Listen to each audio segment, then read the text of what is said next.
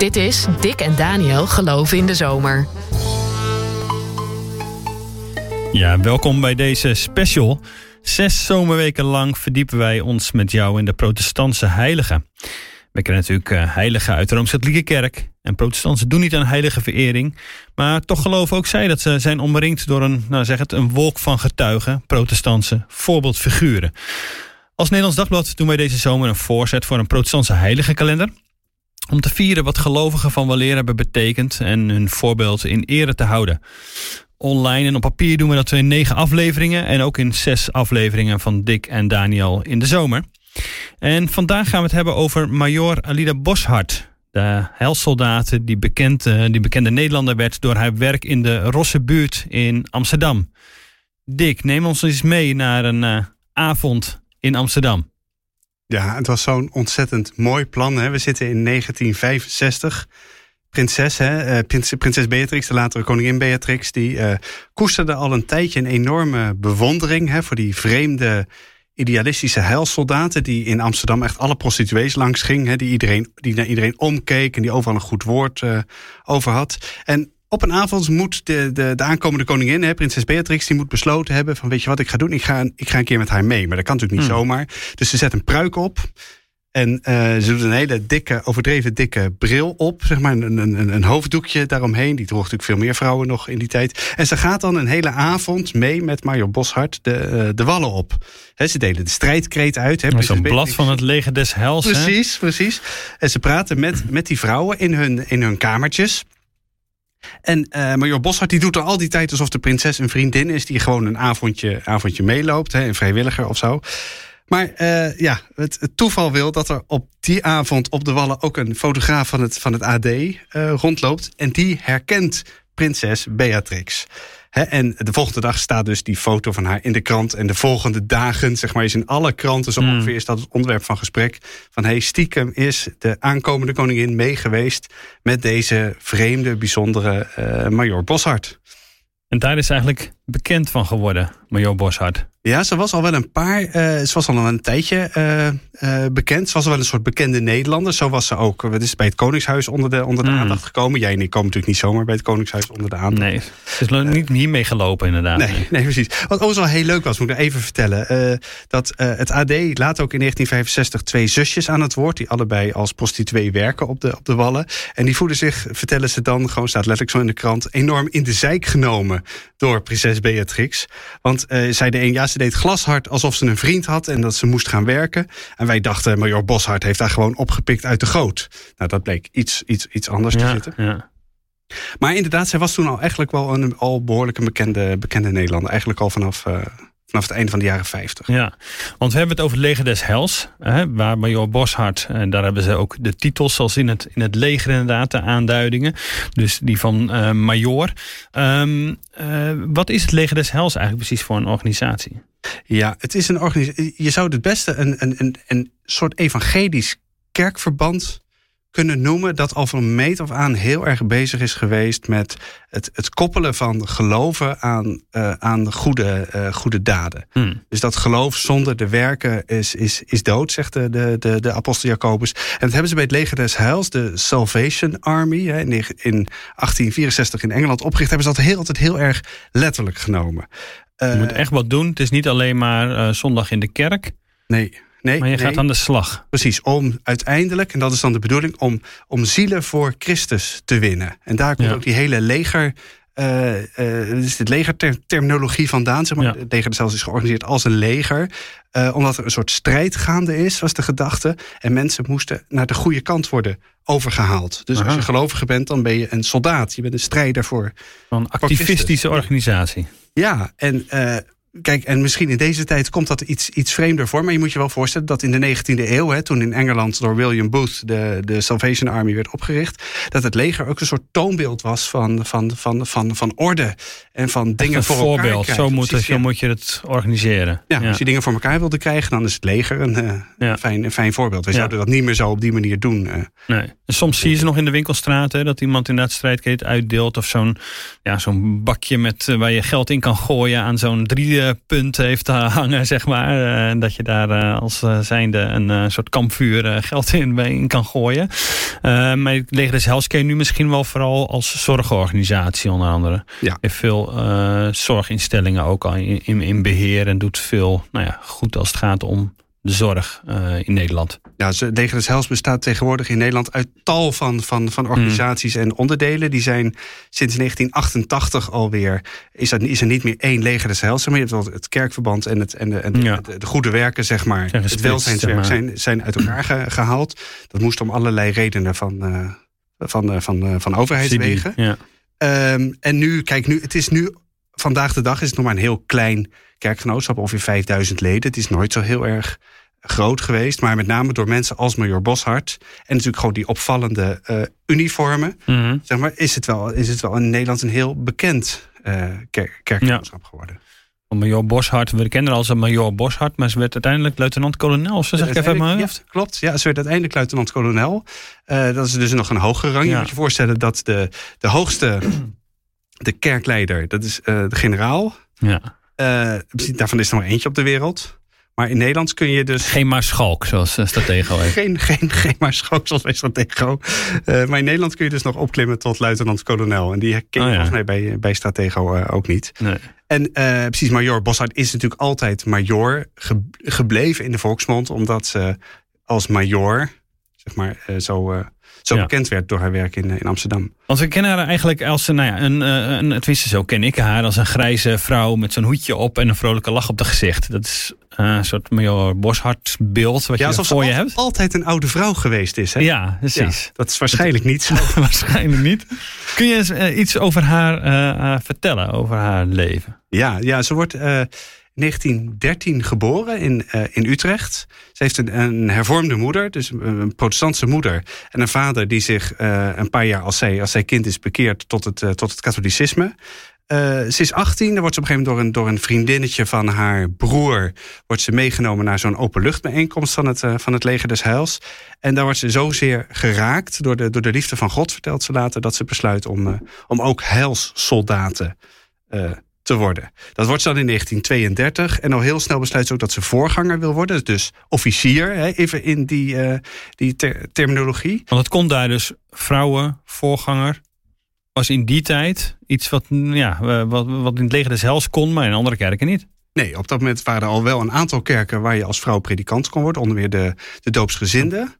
Uh, uh, maar van meet af aan kon je, konden vrouwen bij het leger des Heils hele hoge functies bekleden. Dat is eigenlijk heel erg, heel erg bijzonder. Ja. Dat is daar nooit een, uh, nooit geweest. Echt, echt, een thema Ja. geweest. Dus zij gaat die officiersopleiding doen van dat kerkverband als vrouw. Dus helemaal niet zo heel erg bijzonder dus. En gaat dan werken in Utrecht, gaat werken in Rotterdam. En uiteindelijk komt ze dan in, dan zitten we nog steeds voor de oorlog, in, in Amsterdam terecht. ze gaat daar onder meer in een kinderhuis werken. Ze krijgt, ze zal in 2014 de Yad Vashem onderscheiding krijgen van de Israëlische regering voor uh, het redden van Joodse kinderen uit dat, uit het kinderhuis in de oorlog. Uh, die heeft ze op een gegeven moment gewoon achter op de fiets. Ze kende niet eens de namen van de Joodse kinderen, moet je je voorstellen. Heeft ze gewoon achter op de fiets naar onderduikadressen uh, gebracht en deed alsof ze ze ontzettend goed kende en kon voorbij alle controles komen. Mm -hmm.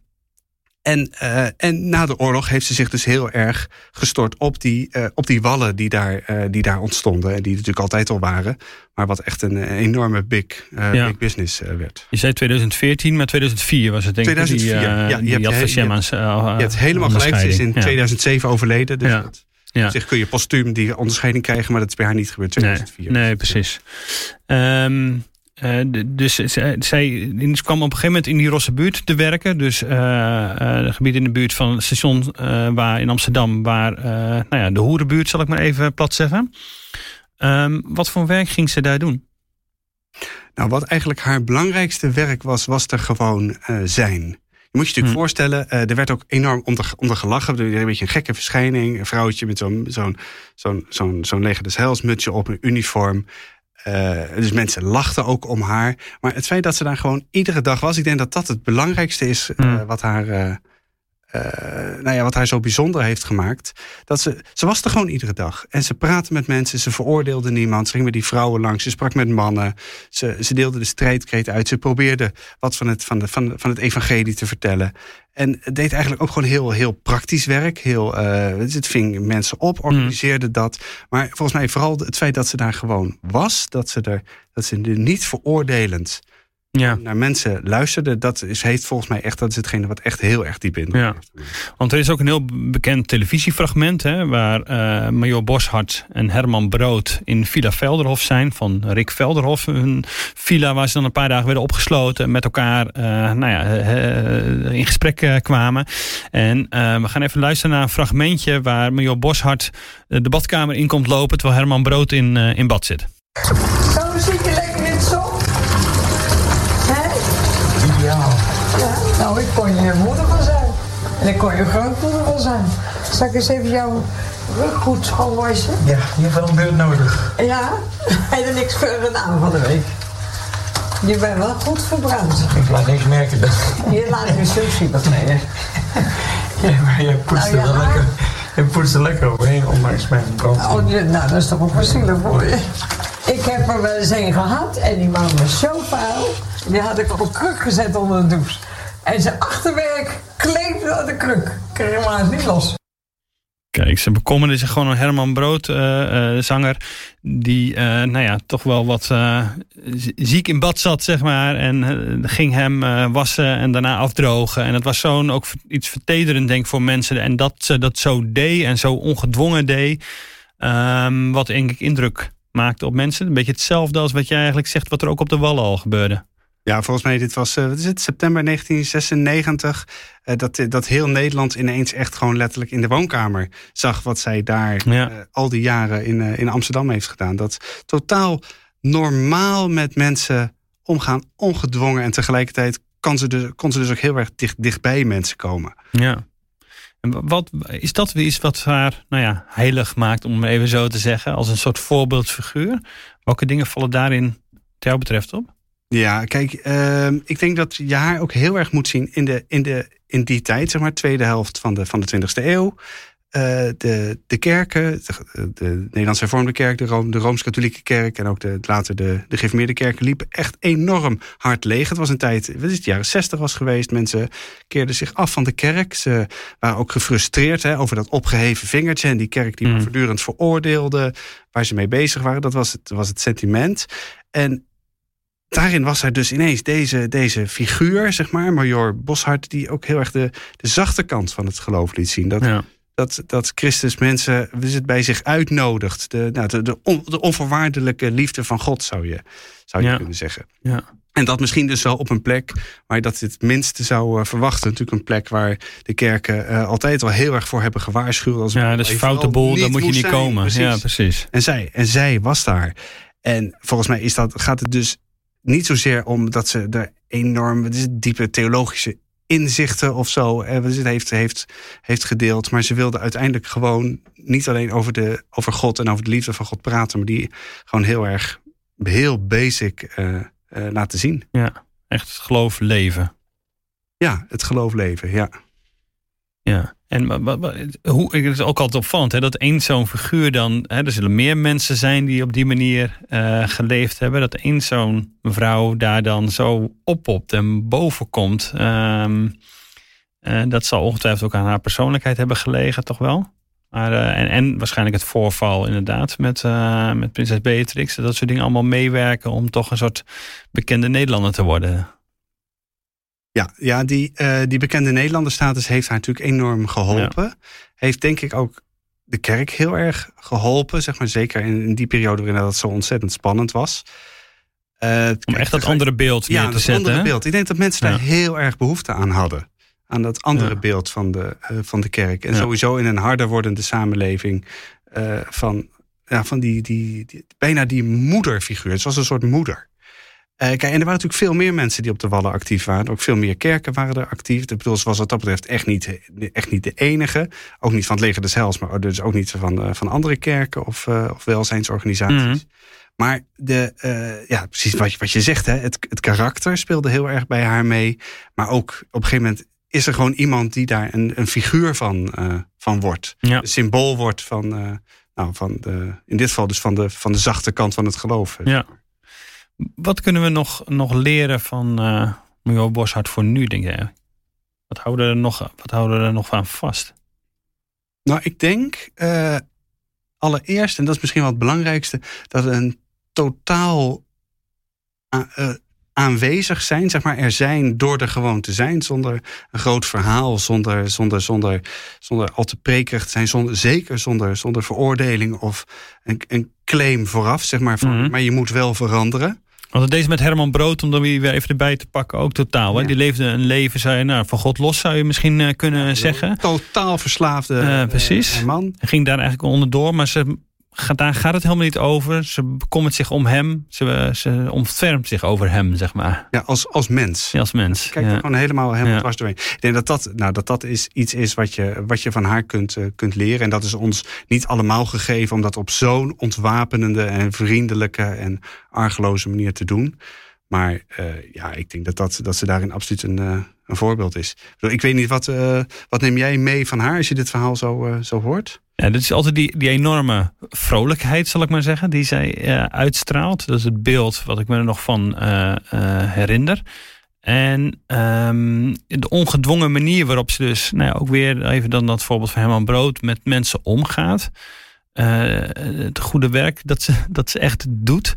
Dat is ja, um, ook alweer zo groot dat ik denk, hoe, um, dat kan ik niet op die manier vormgeven. Maar het inspireert wel zeg maar, tot uh, het omzien naar anderen. En ook wat ze de, vertelde in dat fragment wat we net hadden. Hè, dat ze gewoon uh, iemand was die uh, met zijn, zijn kont aan de, aan, aan, aan de stoel vastplakte.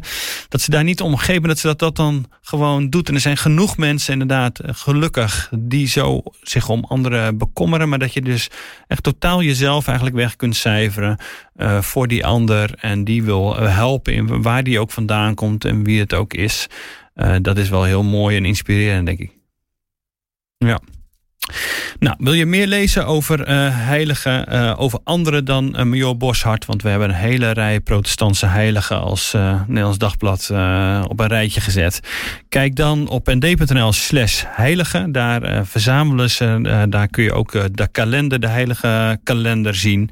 en overweeg eens een abonnement als je ons wil steunen. nd.nl slash abonnement.